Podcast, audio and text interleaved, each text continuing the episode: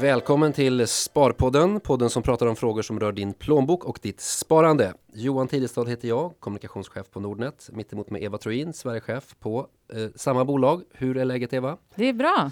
Hur har veckan varit? Vad händer på din horisont? På min horisont, eh, Mm. det händer en massa saker. Tillbaks första veckan efter semestern. Eh, fullt ös skulle jag säga. Det är um, planering inför hösten, planera aktiviteter, kampanjer och annat. något speciellt område som de här aktiviteterna och kampanjerna rör sig inom? Ja, i höst är det fokus på pension. Mm, kul. Pension ska vi faktiskt återkomma till lite längre fram här. Du har med en topplista som rör just pension. En Mm. liten cliffhanger. Berätta en gång till också för lyssnarna som kanske inte var med oss förra veckan. Vad gör du och jag här egentligen? Ja, det kan man Det undra. kan man fråga sig. Jo, men vi har ju kidnappat den här podden Mm. i några avsnitt sedan eh, Jan och Günther lämnade Nordnet för nya utmaningar. Mm. Eh, så har vi kidnappat den här i väntan på vår nya sparekonom som kommer ta över. Vi står ödmjuka inför detta självmordsuppdrag att försöka hålla podden levande i några veckor till. Vi kommer återkomma med nyhet inom sparekonomsområdet också. Inte den här veckan, men inom kort. Inom kort så kommer ni få veta mer.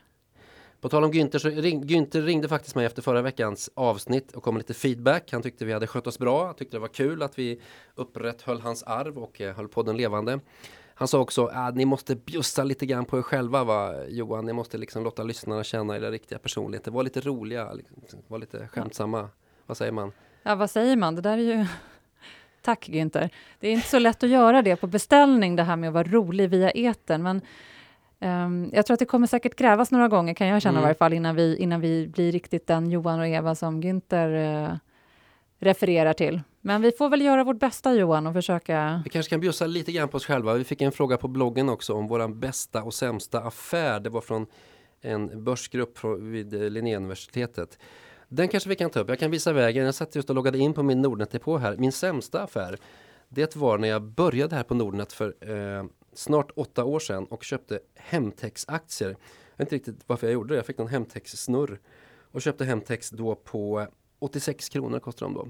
Och idag kostar de 5,60. Det har varit ett tapp där på 93,5 procent. Det är ingen bra affär. Jag har faktiskt kvar dem Jag fortfarande. tänkte precis fråga, du har kvar Nej, dem jag har kvar dem, jag sitter och tittar på dem. Jag får nästan logga ut här så jag blir på bättre humör. Jag kan ta min bästa affär också för att muntra upp mig Ja. lite grann. Det var efter finanskrisen 2008, våren 2009 så köpte jag SEB på 37 kronor. De är också kvar och de står nu i 104,40.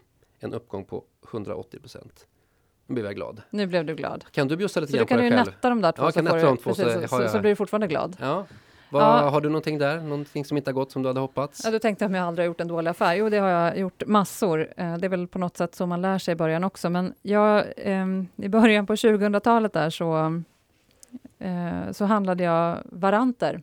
Mm, varanter, det där är ju komplicerade grejer. Hade du koll på vad som var köp och säljvarant? Ja, jag köpte en köpvarant Jaha, i Ericsson mm, i början av 2000-talet. just det. Och Ericssons aktiekurs då kan vi ju nämna, den gick i backen. Den gick från jättemycket ner till typ 3 kronor. Mm. Och det är inte så bra när man har en köpvarant. För det satt du med rätten att köpa Ericsson på ett mycket högre belopp och så Mm. kunde man köpa den på börsen för 3 kronor. Precis. Mm. Det var väl min sämsta affär och tack för att du påminde mig om, om den idag. Jag hade lite, lite förträngt den under eh, åren som gått nu, men eh, Nu, nu det är bra i och för sig att påminnas om de här, de här lite mindre bra affärerna. Men det är bra, man ska prata om sina misstag, det kan man undvika dem eh, framöver, eller hur? Nu fick du bjussa på dig själv och lära dig någonting på samma gång. Och sen den bästa affären, det är så svårt att... Jag har faktiskt haft några stycken som har gått eh, riktigt bra, men jag är ju lite kär i Tesla, även om det är många som tycker att eh, det är lite ostadigt. Men jag, jag har haft den eh, ganska länge och fyllt på också.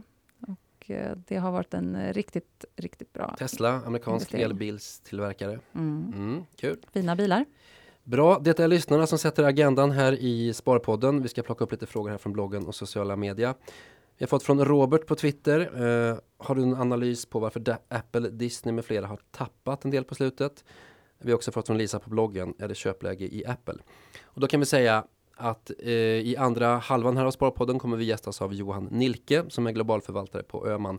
Vi kommer då ta upp eh, amerikanska rapportbackare, bolag som har kommit med bra rapporter men ändå backat på börsen. Vi återkommer till de frågorna. Sen snurrade vi in oss lite grann förra veckan också när vi ändrade på temat med läsare och lyssnare. Vi hade lite faktafel. Berätta Ja. Eva, vad, vi tog oss lite stora friheter. Vi tog oss lite stora friheter och hade inte riktigt koll på fakta när det gällde Nordic Cinema Group. Nej. Vi sa ju där att eh, det kanske skulle komma en notering, Mm. eh, en ny IPO. Och det var ju inte riktigt rätt. Som eh, vi hade förmånen att få eh, En kommentar på bloggen från Precis. polaren Per som gav oss ett pressmeddelande. Där det stod att eh, Ratos hade sålt eh, Nordic Cinema Group till eh. Bridgepoint, ett engelskt riskkapitalbolag. Så ingen notering i sikte där. Sen så f- kom vi inte riktigt loss i frågan med exponering mot Grekland. Den frågan hade vi fått också förra veckan. Hur får man exponering mot Grekland? Mm. En del kunder känner att det kan vara läge att gå in där. Ja, det händer ju saker hela tiden där, så att det, det finns ju de som... Ja, Som tycker att det är en möjlighet. Och vi har grävt fram att det finns två stycken ETFer som du kan köpa hos oss på Nordnet som eh, speglar de 20 mest omsatta aktierna i Grekland. Jag orkar nästan inte säga deras namn för det är så långt utan vi kommer lägga ut ett inlägg på Nordnet-bloggen där vi skriver de här ETFerna. för de som är intresserade. Mm. Det finns ju också en aktie. Ja, det finns en aktie faktiskt. En. En. grekisk aktie som handlas på en amerikansk börs som heter Nyse. Och det bolaget heter National Bank of Greece. Det är inte den eh, riksbanken i Grekland utan det är en privatägd grekisk bank som eh, har en eh, kurskurva som ser ut som en studsboll. Så att det är ingen aktie man ska äga om man vill sova gott om natten. Jag tror jag studsar bort den eller hoppar över den helt enkelt. Mm, Men eh, det kanske finns någon som är intresserad. Eh, motsatsen till det här. Vi har fått den frågan som jag tror nästan är mest vanligen förekommande nu som har kommit från pengar, utropstecken, Picke, Börsgruppen på Linnéuniversitetet med flera är det här med säkerhet och avkastning i ett oroligt börsklimat. Ja. Och frågan är ungefär så här. Jag behöver mina pengar inom ett, kanske två år. Jag vill ha en säker placering som ändå ger lite avkastning och då kan man tänka sig att börsen är uteslutet för den är inte säker. Hur resonerar man där Eva tycker du? Vad säger man till en sån sparare?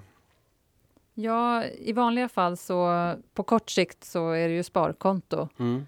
Att låta pengarna stå på ett sparkonto om man ska Mm. ha dem inom en sån kort period är ju absolut det tryggaste alternativet. Men som vi var inne på förra veckan när jag drog min topplista på plats fem där så är ju ränteläget inte, Inte i taket. inte i taket och Nej. ger absolut ingen avkastning på sparkontona idag. Vi på Nordnet har ju till exempel noll på Mm. vårt sparkonto idag och så ser det ut hos de absolut flesta aktörer.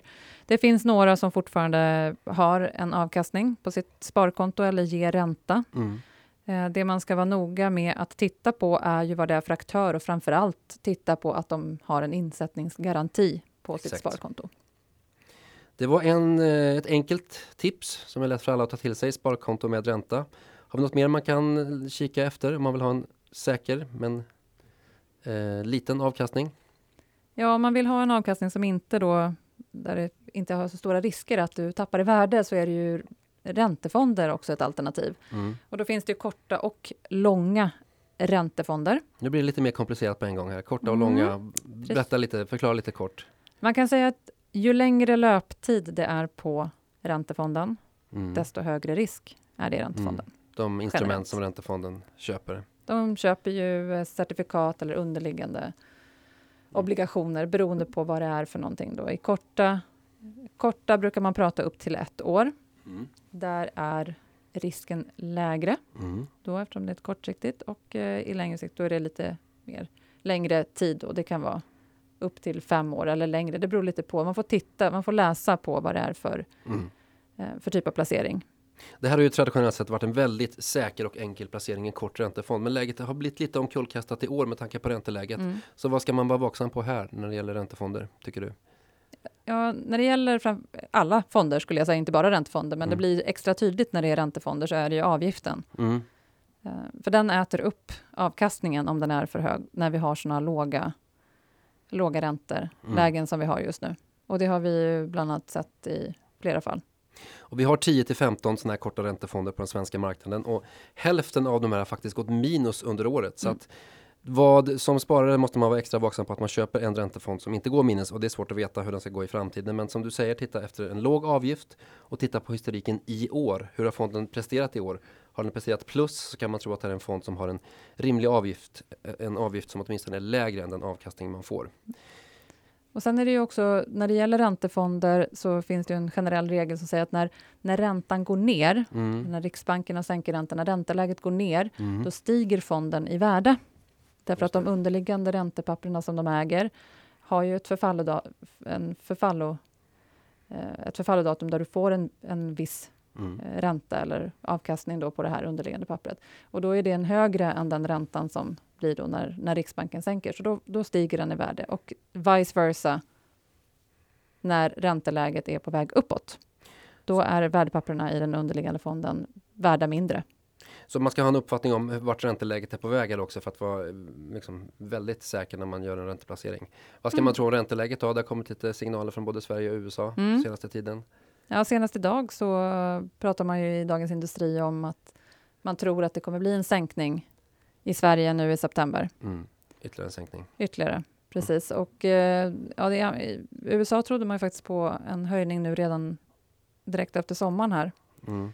Men eh, det, så blev det inte, utan eh, nu tror man väl snarare innan årsskiftet, slutet av året, på att man kommer börja att successivt höja räntorna igen. Och det kommer naturligtvis få effekter över övriga delar av världen.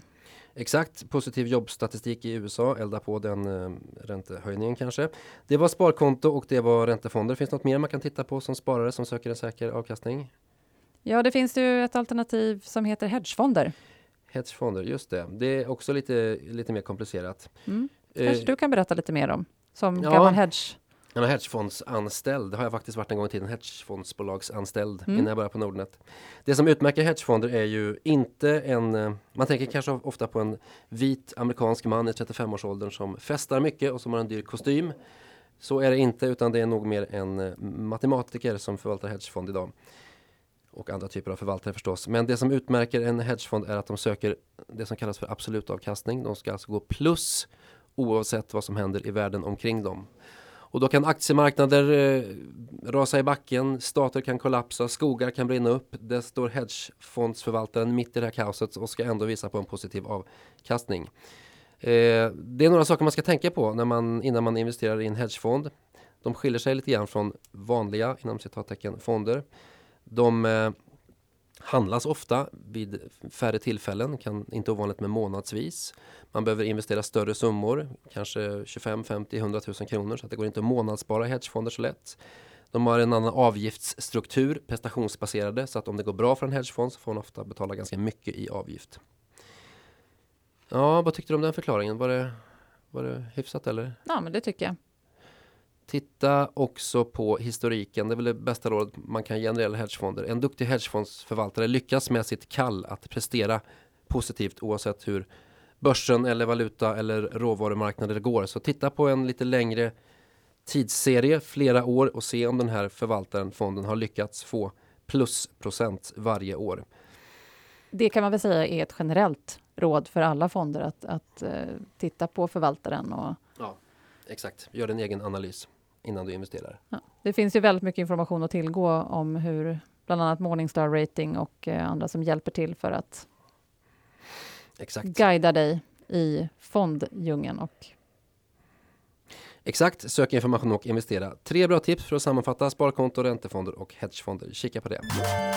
Ja, det var det med eh, lyssnar och eh, frågor från sociala medier och bloggen. Vi ska titta lite grann på vad som händer i världen omkring oss. Som vanligt så är det händelserikt i finansbranschen, eller hur? Ja, den här sommaren slutar ju inte att eh, överraska, överraska oss, oss. med eh, händelser. I måndags eh, fick ju Sandviks vd Olof Faxander avgå och eh, kursen stack 5 Just det. Det tyckte aktieägarna var en mm. positiv. Positivt. Positivt och eh, sen var ju inte Nordea värre med än att eh, Klausen fick försvann kan man väl säga i tisdags. Det gjorde han. Vi har ingen närmare inblick i det där men man kan ju konstatera att det ställs ganska stora krav på ja, på vd generellt, men på bank kanske extra mycket. nu för tiden. Man ska uppfylla det här uppenbara med sina finansiella mål, försäljning, tillväxt, aktiepriset ska vårdas. Man ska vara en kommunikativ person som kan kommunicera med aktieägare, investerare, anställda. Och det här aldrig sinande utan snarare växande regelverket ska man också då som vd ha det yttersta ansvaret för. Och ska man spekulera någonting så har ju Nordea varit illa ute när det gäller penningtvättsfrågor många gånger. Mm. Fått kritik som att de har extremt dåliga rutiner och penningtvätt har kunnat pågå obehindrat bakom deras dörrar om man ska läsa Finansinspektionens yttranden. Så att kanske någonting i svallvågorna av det ligger bakom den här avgången. Vi har nog inte hört det sista om det, men jag kan tänka mig det. Att det är en av flera anledningar. Sen har det pratats mycket om pension också under veckan och det här med att avdraget för privat pensionssparande har successivt minskat. Det är många sparare som inte har uppmärksammat det där utan fortsätter att eh, spara privat. Hur ligger det till med avdraget? Bara så vi reder ut det formella först, Eva. Ja, men i, innan årsskiftet så gick man ut och, och, informerade, eller staten gick ut och informerade om att, mm. Blandar ihop det, regeringen ska vi väl säga. Det fattades ett beslut om att man kommer minska avdraget för privat pensionssparande. Mm. Och eh, det innebär att eh, från tidigare 12 000 som var avdraget, vill säga att om du spar, spar, sparade 1000 kronor i månaden så fick du göra avdrag eh, på det mot din inkomst. Just det. Så drog man ner det till 1800 kronor för 2015 för att sedan försvinna helt under 2016. Och då är debatten att många sparare har inte uppmärksammat det där utan fortsätter spara och då blir effekten att man får spara för skattade pengar och så får man skatta en gång till sen när man tar ut pengarna. Och det där tycker jag sätter fingret på ett problem med pension. Det är en produkt som eh, upplevs ganska tråkig och oengagerande. Ja. Va varför tycker du att det är så viktigt att eh, man på allvar bryr sig om sitt pensionssparande? Ja, det här kan jag ju prata hur länge som helst om, som du mm. vet. Men... Du får bara en minut här, så varsågod. Tack. Eh, nej men framförallt så, det som gör att det är svårt är att du ska avsätta pengar, konsumtion idag, för mm. någonting i framtiden. Mm. Och det här är alltid svårt, mm. därför du vet ingenting om framtiden.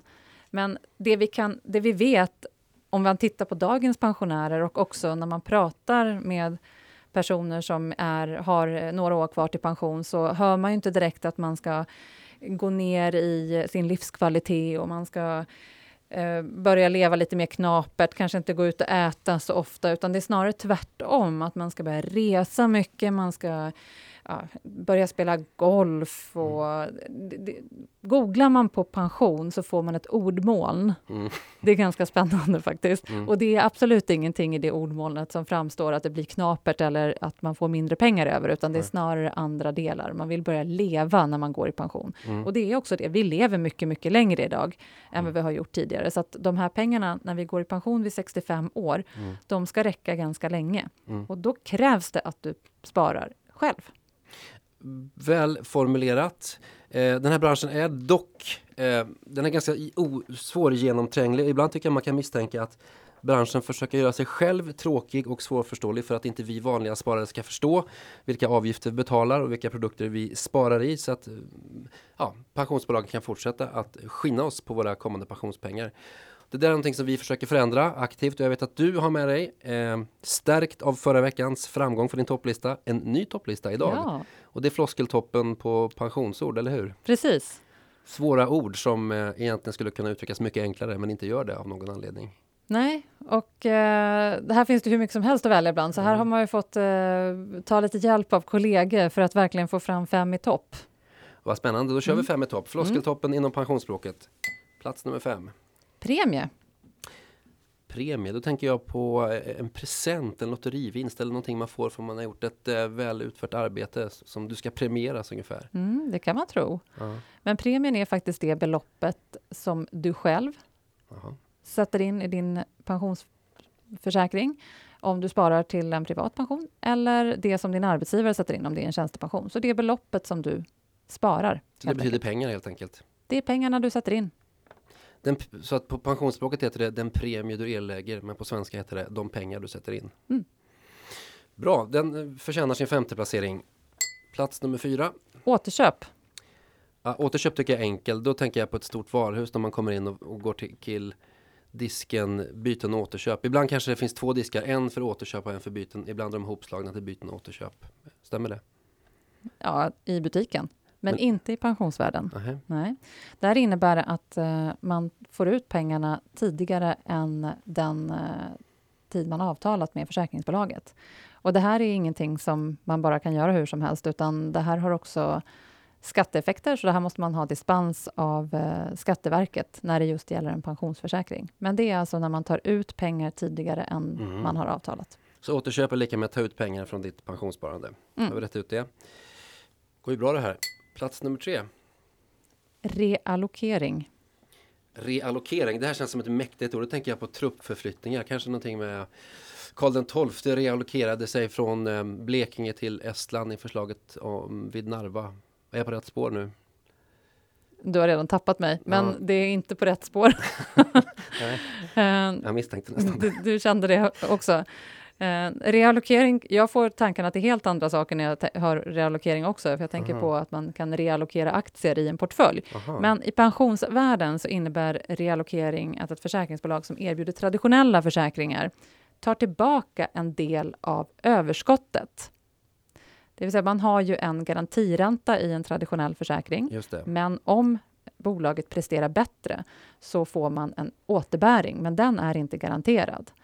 Så där har de då möjligheten att, möjligheten att göra en reallokering, det vill säga ta tillbaka den här överavkastningen som de har Okej. gjort. Men den garanterade finns kvar. Den garanterade finns kvar, den påverkas inte. Utmärkt. Det var plats nummer tre. På plats nummer två hittar vi Återbäring. återbäring. Då tänker jag ju på OK Q8 när man eh, Ja, man tankar bensin och ett villkor för den här återbäringen är att man kanske ska handla i butiken också. Det är någonting med bensinkort i alla fall. Ja, det finns säkert återbäring för bensinkort också. Ja, OKQ8 sa du? Ja. Eh, nej, återbäring var egentligen precis det jag var inne på lite grann, den som reallokeringen tar tillbaka. Det här är svårt, ja, eller hur Johan? ja. är Försök- du med mig? Försök förklara. Är du med mig? Inte riktigt, försök igen. Om man har en traditionell pensionsförsäkring, det vill säga inte en vanlig fond eller depåförsäkring som de flesta har, utan en traditionell pensionsförsäkring, kan man då utöver den här garantin Ja. som, man blir, som man får, få en återbäring. Det vill säga, om försäkringsbolaget lyckas överprestera, så får man Aha, och den kan rea- reallokeras i sämre tider. precis. De hänger ihop de här du två alltså. Ja, fattar. nu är jag med. Ja, vad bra. Nu blir det spännande. Nu är vi framme på plats nummer ett på pensionsfloskelordstoppen. Varsågod. Fribrev. Jag måste smaka på lite grann fribrev. Jag tycker jag låter som en biljett till himlen i min värld. Någonting man har med sig när, när dagen är kommen och man står framför Sankte Per. Så frågar han, han om man har fribrevet med sig. Jag ser på det att det inte är rätt svar men Det var, en väldigt, det var en ganska... Är det så? ja, jag, så, det- tänker jag på när jag ja. får fribrev i huvudet. Mm. Det är Men det intressant det att veta som- vad du tänker på faktiskt. Men, nej, men ett fribrev eh, är en försäkring som man inte gör några nya premieinbetalningar till. Jaha. Och ska vi ta det där på svenska då, som vi var inne på, eller ett enkelt språk, så man inte gör några fler insättningar i. Ja. Oftast sker ju det här i samband med att man kanske avslutar en anställning, om man har en tjänstepension. Så slutar ju den arbetsgivaren som man har varit anställd hos Mm. att betala in premier eller göra insättningar i Mm. din pensionsförsäkring. Mm. Och då hamnar försäkringen i det man kallar fribrev, det vill säga att det kommer inga fler insättningar i den här försäkringen. Jag hör på dig Eva att du, att jag- du använder säkert pensionsfloskelord emellanåt i din vokabulär också. Är det någonting som du jobbar på? Alltså det, fin- det, här var en, det här var en skämtsam lista, lite enkelt sätt att närma sig det här. Men det finns, ligger lite allvar i det här Mm. också, eller hur?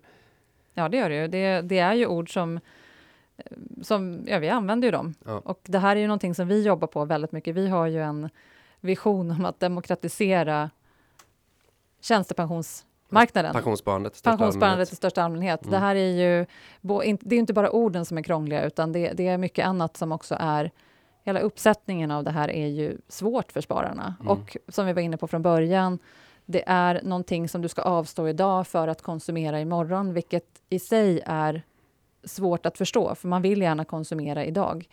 Eh, Och då ska man sätta av de här pengarna. Men en sak som är viktigt om vi stannar på fribrev en Mm. liten, liten stund. Okej, Ja. För att när du har försäkringen i fribrev, då kommer det inte in några nya premier. Mm. Men för den sakens skull så ska man ju vara väldigt vaksam på om man har avgifter som dras i den här pensionsförsäkringen som man då ligger i. Eh, I fribrevet? Nej, ja, du har ju en Ja, försäkring ja. dit din arbetsgivare har betalat in pengar Mm. till dig. Mm.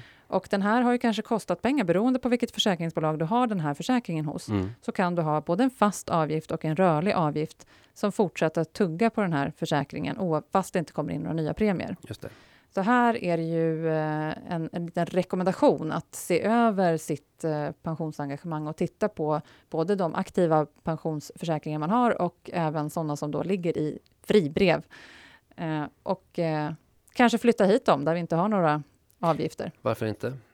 Jättebra. Tack för att du redde ut begreppen där åt eh, mig och alla andra lyssnare. Eva, vi uppmuntrar som vanligt våra lyssnare att eh, höra av sig till oss om med frågor. Enklast är att gå in på nordnetbloggen.se. Vi lägger upp ett inlägg efter varje sparpodd där man kan kommentera hur man tyckte att vi skötte oss och skicka in frågor. Och så har vi dig på Twitter också, Eva, Ja. eller hur?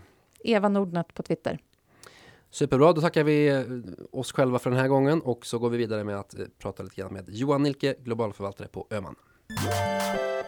Ja, nu är han här, våran globalförvaltare Johan Nilke. Välkommen hit! Tack så mycket. Är det poddpremiär för dig? Det är poddpremiär. Hur känns det? Ja, men det är lite nervöst, Ja. men roligt. Får se om du tar dig levande härifrån. Absolut, absolut. Du berättar lite grann om dig själv för lyssnarna Johan, för att sätta dig på kartan. Ja, Johan Nilke heter jag. Eh, Mm. Jobbar på Öman Fonder eh, som förvaltare. Förvaltar två globala aktiefonder. En eh, inriktad på eh, teknikdriven tillväxt. Global Growth heter den. Mm. Och sen Global Sustainable Brands som är inriktad på starka varumärken som också tar hållbarhetsfrågan på allvar. Så globalförvaltare, då ska man kunna ha en åsikt om alla aktier i hela världen. Självklart. Det är ett stort perspektiv. Det är känns ganska stort perspektiv. lite mer bekvämt att vara så här svensk småbolagsförvaltare per Ja, definition. Kanske, kanske, men vi är ju inriktade lite grann också på svenska småbolag. Vi tittar ju lite mi- mindre ju närmare hemma vi är så att säga. Så att Okej, ju längre ifrån från Sverige vi hamnar desto, desto större tenderar bolagen att, att bli. Jag förstår. Och sen får man väl göra ett urval. Man, man screenar väl ut lite så att det, vi kan inte titta på alla världens bolag. Jag förstår. Temat för den här pratstunden i alla fall är amerikanska rapportbackare. Stora välkända bolag som har kommit med bra rapporter men ändå backat på börsen. Och vi pratar USA och de bolag vi tänkte snacka om är Apple, Twitter, LinkedIn och Disney. Och rollfördelningen är då att jag rabblar lite fakta och ställer frågor och du kommer med insiktsfulla analyser. Känns det okej? Det Så. känns helt okej. Men då kör vi. Ska vi börja med Apple? Och jag tittade, Apple är väl då alltså världens högst värderade bolag och det är värderat till 660 miljarder dollar. Det blir 5800 miljarder kronor. Alltså finns det så här mycket pengar i världen? Är det rimligt att ett bolag är så här dyrt överhuvudtaget? Eh, Värder, eller, värdering på totala bolag kanske inte är, eh, visar om det är dyrt eller ej. Nej, det det, det beror, ju på, beror ju på vad de tjänar för pengar och de tjänar ju pengar som, som, som, som få. Ja, ja, ja, absolut. Det, här var, det var en reflektion på att det var ett väldigt högt värderat bolag. Men naturligtvis, bolaget, om du tittar på P tal då, är det här bolaget, är det billigt eller dyrt? Sin stora värdering till trots. Jag, jag tycker inte det är dyrt. Eh, om man jämför med vad, vad, vad de tjänar och, och eh, jämfört med andra bolag som man tittar på så är ju liksom en P-värdering där de ligger idag inte, inte särskilt svår att motivera tycker jag. De kom en rapport här i slutet av juli Apple. De, en bra rapport tyckte de flesta. De slog vinst per aktie i alla fall, prognoserna. Föll ändå 8% den dagen, trots att de tjänar pengar som gräs som du var inne på. Vad var det, eh, det negativa rapporten som placerarna tog fasta på här?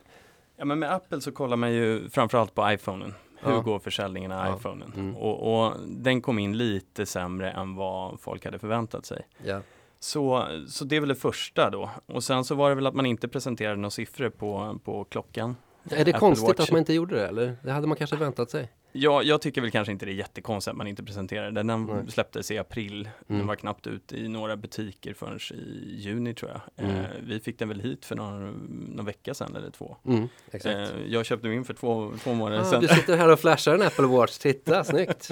Är du nöjd som konsument? Absolut, jag, jag är Ja. nöjd. Sen så är det ju mera eh, nice to have än need to have Ja. än så länge. Mm, Men det beror väl lite på, på just apputvecklarna till den. De har inte riktigt kommit igång kan man säga. Nej. Och så har de inte släppt alla, alla API så att säga, alla eh, tillgången till eh, utvecklarna ännu. Att utveckla fullt ut. Så att, jag tror nog den kan vara nyttig framöver. Så siffror för Apple Watchen saknades, iPhonen sålde lite sämre än väntat. Något annat? Ja, alltså, sen ska man komma ihåg att Apple är en av de mest ägda aktierna i världen, om inte Ja. den mest ägda. Så Mm. att, eh, och har ju haft en väldigt bra utveckling. Så att ingen vill vara sist ut när det, när det kommer negativa nyheter och då kan det bli lite, lite trångt i dörren kanske när man när Just det det. kommer lite, lite negativt. Och sen så, så kan man väl tycka att analytikerna har väl tröttnat på att hela tiden Apple. revidera, upp Apple. Det behövdes nu- en liten nedgång här som Ja, motvikt till allt det ja, positiva. ja, Men var det motiverat det enligt dig då eller? Var det, var det tillfället det här tror du? Eller? Ja, jag tror nog att det är ganska, Ja. ganska tillfälligt. Eh, ja, Kina, tillväxten i Kina fortsätter Ja. eh, och eh, värderingsmässigt som sagt, jag tycker inte den är, den är stretchad alls. Det är ju andra som är ute och starka röster som är ute och säger att det ska vara värda 200 dollar eh, eller eh, noteras på 200 dollar. Och den står i cirka... 100, ja, 116 eller vad hade vi idag? Den gick väl ner lite. Och det är lite orimligt också med de här stora rörelserna i så pass stort bolag. Ja, mm. Mm, vänt ner 10% sen rapporten och sen igår upp 3,5, 3,6 Stora på svängar. ett rykte på att iPhone 6 kom, 6S och 6S eh, plus kommer då i september, 9, 9 september. Och jag vet inte det. Och idag är den ner 2,5 procent igen. Mhm. det Det börjar lukta ett köpläge nästan tycker jag. Men nu handlas aktien på nivåer som vi såg i början av året. Eh, vad, vad tror du ska krävas för att aktien ska vända från den här svackan och komma upp igen till, till ett nytt all time high? ja, men med Apple är det ju mycket produkter. Ja. Man pratar produkter. Mm, Och det var ju som vi såg igår. Eh, 3,5 procent, ja, 3,6 procent upp på, på att eh, det är ett rykte att den 9 september är det iPhone 6S som kommer presenteras. Mm. Eh, och det, det, är- det är ju det som kommer styra den här framöver också. Att, ja, bland annat då iPhone är nya, Mm. eh, klockan såklart, Mm, när, mm. när börjar de släppa siffror på den? Mm. Vi vet idag inte alls hur, hur den går, men även om man har sagt att den går över förväntan. Mm. Den gick bättre än eh, vad iPhone gjorde när den lanserades, har man sagt. Mm. Eh, så när, när den nya, nya produkter kommer presenteras så tror jag att, eh, och, och man visar ja, att det här kommer gå bra, så tror jag, tror jag då, då, då kan vi nog se kanske 130 dollar igen. Vad, vad är på tal om produkter, vad, vad är på gång där? Du sa iPhone 6, är det något annat sådär du som bevakar Apple som det snackas om i branschen, något det ryktas om? Har du något litet Apple-skvaller att komma med här? TV har väl varit uppe hela eh, under en längre TV, tid. TV, har TV-apparater eller? Ja, men man har väl, eh, Apple TV har ju, har Ja. ju funnits länge, man Ja. har inte gjort så mycket med den. Eh, och eh, det var någon som var ute och sa att de trodde att 2016 skulle det komma ett helt, en, liksom en TV, en, riktig TV, men det är väl tveksamt om det kommer Mm. göra. Mm. Men däremot är just en TV-tjänst, alltså en prenumerationstjänst mera som Apple Netflix. Music liknande eller Mm. Netflix liknande, Mm. att man gör någonting med det iTunes bibliotek man faktiskt har. Man, det. man har ju inte utvecklat så mycket på, på just iTunes mm, vad det gäller modellerna, affärsmodellerna och liknande. Så att där är det inte omöjligt att det kommer någonting nytt och det tror jag kan driva också. Intressant. Om vi sammanfattar då Apple här, vad blir din sammanfattade bedömning? Vad säger ett års sikt för Apple? Är det tumme upp, tumme ner eller tumme mittemellan? Jag måste pressa dig jag på en måste- rekommendation jag här. måste Ja. nog säga tumme upp faktiskt. Ja, det är tumme upp där, Ja, alltså. jag tror det. Jag tror det. Och då har vi köpläge nu alltså. Ja, jag tror nog kanske det kan vara Mm. köpläge här snart. Ja. Toppklass, det var det om Apple och vi ska beta oss vidare i amerikanska rapportbackare och kasta oss över Twitter.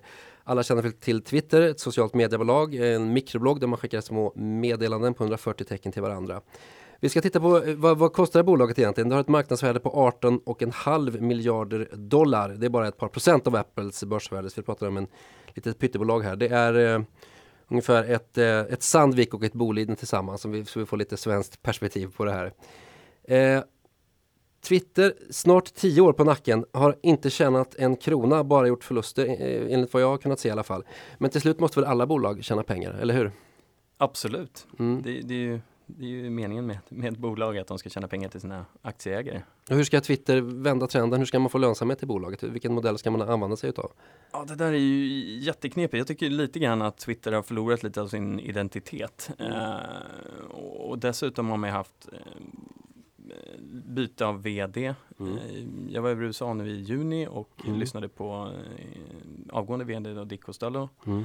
Och han, eh, han, han såg nästan lättad ut över att ha ha fått lämna bolaget. Jaha. Och, eh, och man, jag var även på kapitalmarknadsdagen, Twitters förra året. Ja. Och eh, där ty tyckte jag den här identitetskrisen blev ännu tydligare just att de sakerna man presenterade där, det var nästan ett Facebook. Mm. Eh, och det, det känns som man inte riktigt, och jag får även höra rykten inifrån Twitter att anställda är oroliga, var är vi på väg, vem är det som leder det här och vad, Okej. vad är egentligen våran, Mm. ja, vad är våran identitet? Man Mm. har gått ifrån de här 140 tecken eller, eller till att gå mera mot en social plattform som Facebook. Mm. Och jag tror inte det är riktigt eh, kanske är rätt mot, mot de här mm, mest frekventa användarna. De, de gillar enkelheten och, och det är också svårigheten tror jag. Att, eh, hur, ska, hur ska man kapitalisera på dem Mm. när det är så när det är enkelheten som är det. det Så man ska hålla kvar vid sin eh, ursprungsaffärsmodell, enkelheten. Nej, man måste, ju, man måste ju göra någonting. Ja. Eh, och för det första tycker jag man måste få ordning i, internt i bolaget. Det är väl inte helt lyckat att tre gamla VD sitter i styrelsen. Eh, Nej, det är kanske är lite hämmande mot den nya vdn. Jag tror nog det. Jag tror nog det. Men är det annonsvägen man ska gå? Ska man börja sälja reklam mer eller hur ska man, hur ska man få in stålar?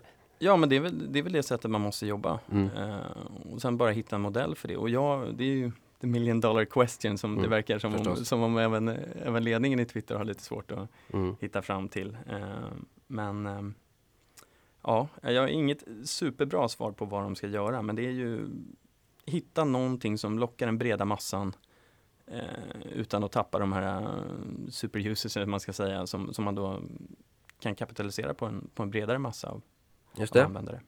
Med Vi- annonser eller. Vi har ingen lönsamhet än så länge. De kom med rapporten 29 juli som visade på stigande intäkter dock och minskade förluster. Men aktien rasade i backen ändå. Har det att göra med den här identitetskrisen och det här liksom lite låsta läget vi ser i Twitter tror du? Ja, jag tror det. Jag tror att framförallt var det på grund av att tillväxten i antalet användare Var låg? var lä lägre liksom än, vad, det, än väntat. Och det är, ju, det är ju så i de här bolagen. Och, och sen är det osäkerheten i Twitter också. Mm. Som jag nämnde. Mm. Man vet inte riktigt var de är på väg. Och man vet inte riktigt vilken ledning de kommer att ha eh, framöver. Och sen också fokus på nya, eh, nya vdn eller tillfälliga vdn som är inne. Och, och han är inne i två bolag samtidigt. Man vet inte riktigt vilken fokus han, Jaha, okej. han Mm. har. Ett- Men Twitter kan man säga att Twitter, är, är det bara till för, för extroverta personligheter som journalister och företagsledare och kommunikatörer? Eh, Ja, men sätter det en begränsning i hur stor man kan bli om man jämför med Facebook där man lägger upp strandbilder och jag städar bilder? Alltså det känns, eller lite för snabbt och lite för snuttigt och ställer lite för stora krav på fyndighet Twitter. Kanske. Kanske är det mer en journalistprodukt. Det kanske blir, det, det, det blir lite snävare än vad Facebook är där, Mm, du, mm. där du kan lägga upp allt möjligt. Och, men nu har ju, Twitter har ju breddat sig. Från början var det bara de här tecknen du kunde mm, använda mm. eh, och begränsa. Nu är det bilder och nu, kan det, nu, nu, nu försöker de ju bredda sig till Och video till med videos, Periscope också. exakt. Just det. Mm, stämmer. Så att, ehm, men det är ju också så, varför, ja, behöver vi ett nytt Facebook? Nej, de måste ju på något sätt differentiera sig från Facebook. Just det. Och innan vi går in på frågan om det är köpläge i själva aktien så kanske det är köpläge i, i, i Twitter eller säljläge för att spekuleras ju ibland i att Twitter efter senaste tidens dåliga utveckling på aktien skulle mm, köpas upp, vara till salu. Kanske att Google skulle köpa bolaget som saknar egna bra sociala kanaler. Eh, Ingen använder Google Plus speciellt mycket. Är det troligt det här att Twitter säljs?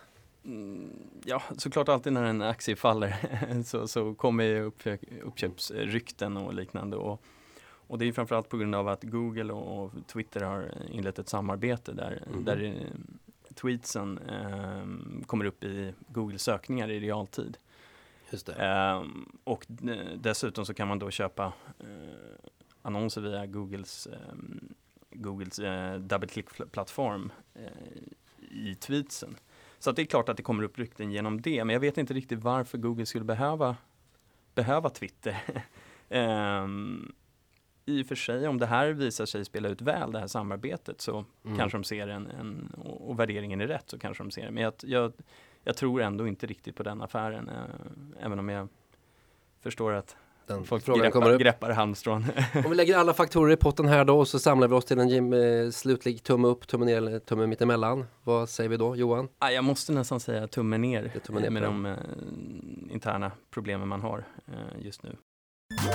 Då säger vi köp Apple och eh, håll dig borta ifrån Twitter och så går vi vidare på det tredje bolaget i vår bevakning, nämligen LinkedIn. Socialt mediebolag inriktat på karriär och rekrytering värderat till 25 miljarder dollar för tillfället, är lika med ett Telia ungefär för att sätta det i perspektiv på vår, från vår svenska horisont. Man har 380 miljoner registrerade användare och varav 100 miljoner är aktiva varje månad.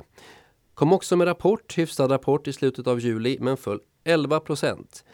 Eh, och har backat faktiskt 20 procent i år. Vad ser investerarna här Johan som problemet? Vad är LinkedIns utmaningar?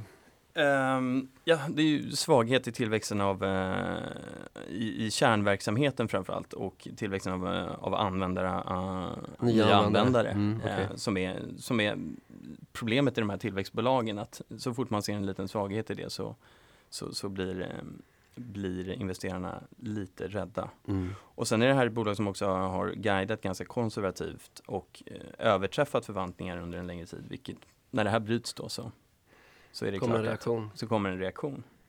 Och precis som Twitter så verkar LinkedIn heller aldrig ha tjänat pengar. Jag tycker det känns nästan som en bedrift att ha 380 miljoner användare och en helt digital affärsmodell och inte tjäna pengar. När kommer lönsamheten? Det är inte en jätteenkel fråga men jag slänger den ändå till oj, dig. Oj, oj. Ja, den är knepig men, men, men som i flera av de här nätverken där det bygger mm. på antalet användare så har man ju fokuserat på att bygga upp användarbasen och en, ja. eh, en bra sådan. Eh, så att sen har man ju då eh, försökt hitta, precis som Facebook och liknande andra, eh, just en, ett sätt att kapitalisera på den här användarbasen. Mm. Och man har en oerhört stark användarbas enligt mig. Mm. Folk är väldigt intresserade av att uppdatera, att man har verkligen riktig, korrekt information om sig själv på LinkedIn. Mm. Och här har man då tagit fram nya produkter och försökt hitta sätt att kapitalisera på det. Jag, jag tror nog att när de här produkterna väl lanseras på riktigt. Det är flera som in, man har köpt ett bolag som heter Lynda mm. där man ska erbjuda utbildning. Okay. Um, ehm, man har ett säljverktyg som knappt har kommit igång. Man har, eh, man har kärnverksamheten också som jag tycker är stark där man har med rekrytering och liknande. Man kan ta ganska bra betalt från, från rekryteringsfirmor eller, eller HR-avdelningar. Så att jag, jag, tror nog faktiskt att det här, sen, sen, vet jag inte när, den är ju alltid den där.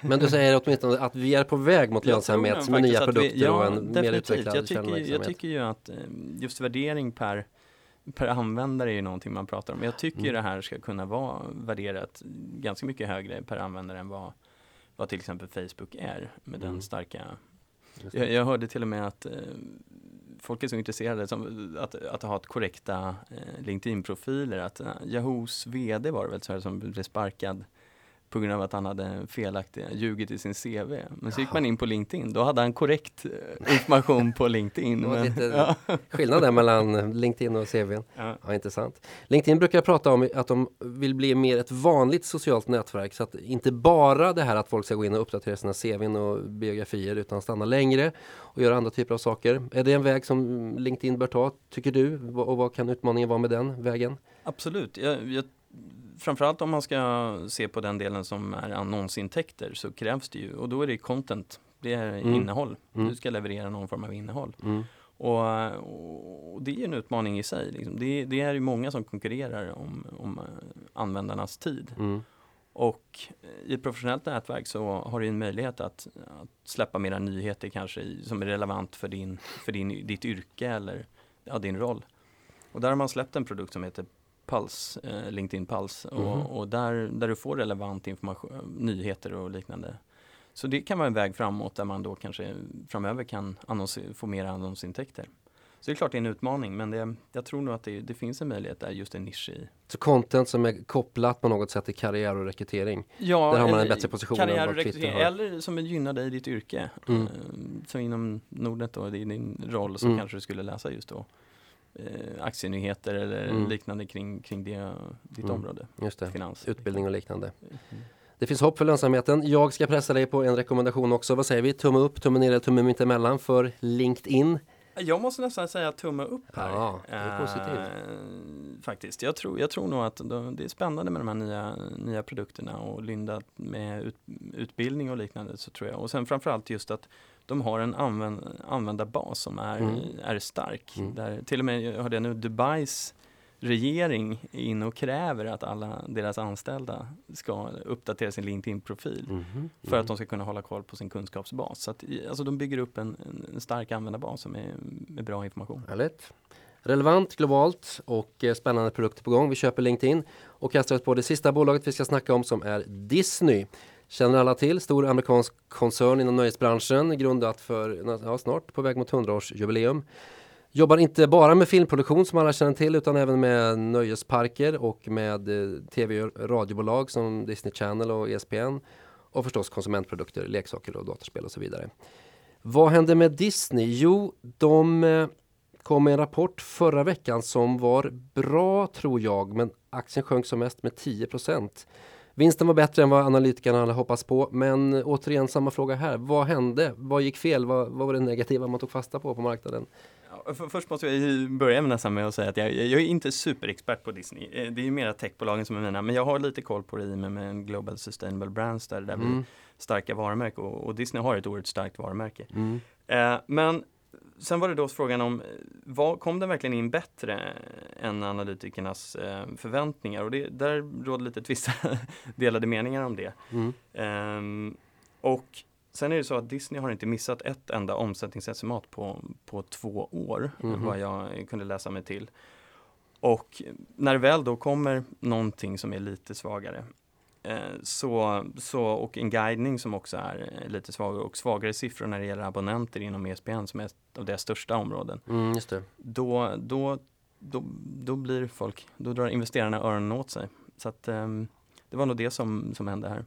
Kan det vara det här med ESPN som är en traditionell tv-kanal som tappar prenumeranter och tittare? Är det ett tecken på ett strukturproblem, att, eller problem, en struktur som håller på att förändras, att tv-tittandet, det traditionella, minskar, att folk klipper kablarna och tittar på streamingtjänster istället. Har Disney drabbats av det nu, Absolut. värderingsmässigt? Det tror jag, det tror jag nog. Eh, framförallt inom då ESPN. Ja. Eh, folk och jag själv har sagt upp min... Din ESPN-prenumeration? Nej, jag hade ingen ESPN tyvärr, men jag har ju eh, övriga digital-tv-utbud och liknande mm. och bara kör mina streamingtjänster. Um, och så jag tror definitivt det kan påverka. Sen har ju Disney också en del eh, i övriga verksamhet en del content som snarare kan gynnas av det här. Att du mm. får flera kanaler att få ut ditt och de kanske kan hoppa över eh, vissa led hos, eh, och, och, få ut sitt content mera direkt då, och, och ta en större del av kakan. Så att, eh, som kanske förlorar i den ena änden och vinner den andra. Vinner bra, den andra content går alltid hem. Annonsintäkterna minskar också för Disney. Kan, är det också ett tecken på att annonsörerna flyttar från tv till digitala media till typ Facebook som vi pratar om, eller det har vi inte pratat om, men till typ Facebook? Absolut, det tror, jag, det tror jag till en viss del. Sen så har undersökningar visat just att eh, man kanske inte flyttar så jättemycket av, av den kakan man hade, har, har idag. Eh, från tv. För, för de stora varumärkena ses tv fortfarande som den bästa branding brandingkanalen. Mm. Däremot eh, så, så i och med att ekonomin går bättre och man kanske har mer annonspengar att ge så tar man av de nya annonspengarna kanske man snarare lägger, lägger eh, så, så, procentuellt så blir det så blir det nog mera mot eh, digitala kanaler. Och nöjesparkerna rullar på, gick bra men borde vara kopplat till ekonomin i stort. Det är inte så, det är ganska konjunkturkänsligt. Har man gott om pengar så går man på Disneyland. Har man inte gott om pengar så gör man inte det. En känslig bransch. Ja, men det, det tror jag absolut stämmer. Det, det, eh, jag, jag har ju inga barn själv men, men jag skulle kanske kunna gå på Disneyland ändå. men men, eh, men det, man konkurrerar ju med alla, alla former av, ja, plånboken är ju så stor som den är och ja. då konkurrerar man med andra nöjen. Och har man mindre i plånboken kanske man åker till den lokala lokala vattenlandet eller ja. eh, sot istället för att ta en dyr resa och bo på hotell och, och, gå på Disneyland. Sen så har ju, det behöver inte bara vara just den amerikanska ekonomin eller liknande för att Disney har ju parker i, runt om i världen. Man har även kryssningsfartyg och liknande också. Mm -hmm. så, att, mm -hmm. så, att, det finns ju lite där en hedge i det hela med ekonomin. Men globala ekonomin går sämre så, så är det klart de drabbas även på den sidan.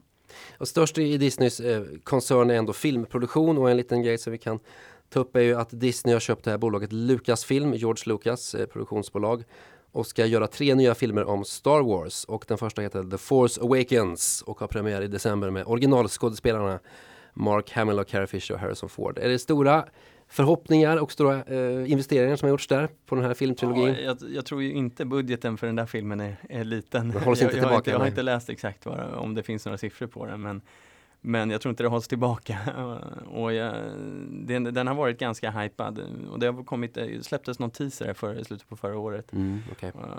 Jag läste, det var otroligt mycket skriverier, både positivt och negativt. Det finns ju en, fortfarande en stor fanbase Mm. till Star Wars som, mm. som har mycket att säga om. om så det, det, det, det, kan vara risky att ge sig in i det här ja. som Disney nu men Men jag tror nog, jag tror nog att eh, det, det, folk kommer titta på den, folk Mm. kommer gå. Jag Mm. tror nog att det kommer vara en, eh, vara en stor, stor film, det, definitivt. Sen är frågan om den känner, drar in tillräckligt, det vet jag inte. Men det, Eh, Disney får kritik ibland för att de är Ja, de engagerar många människor, får kritik för att de kanske framställer ursprungsbefolkningen lite stereotypt. De stadsfäster traditionella könsroller, de är normativa i största allmänhet. När tror du vi får se en Disney-film med ett gaypar i huvudrollen, Johan? oj, eh, jag vet ju inte riktigt. Det, det, det, om Donald Trump kommer till makten här så kanske vi aldrig får se det i USA eller? Var inte det det ultimata tecknet på att man får älska vem man vill i, utan att någon har någon åsikt om det, eller hur? När Disney släpper Ja. The Two Princess och Marrakesh. Ja, ganska konservativa i USA så tror jag det, det kommer vara svårt. Men ja, i- absolut, i Sverige tror jag, då skulle det kunna släppas idag. Eh, Vi får se om det händer under vår levnad eller inte. ja. Vi ska, innan vi släpper dig Johan, så ska vi få en eh, tumme på den här på Disney också. Jag kunde inte riktigt läsa dig här under eh, snacket. Blir det tumme upp, tumme ner eller tumme Ja, det mittemellan? kanske beror på att det blir en tumme mitt emellan där. Ja. De vinner, eh, vinner förlorar på gungorna och vinner på karusellerna, eller vad man brukar säga. Ja, Jag tror jag får köra en mitt emellan där, för den är, den är svår med de här strukturella marknadsskiftena som sker inom, inom rörlig media, alltså tv Mm. och video och liknande. Samtidigt så brukar de ofta överdrivas eh, hur snabbt det går i början. mm. Eh, och sen har ju Disney ett starkt varumärke och starka titlar.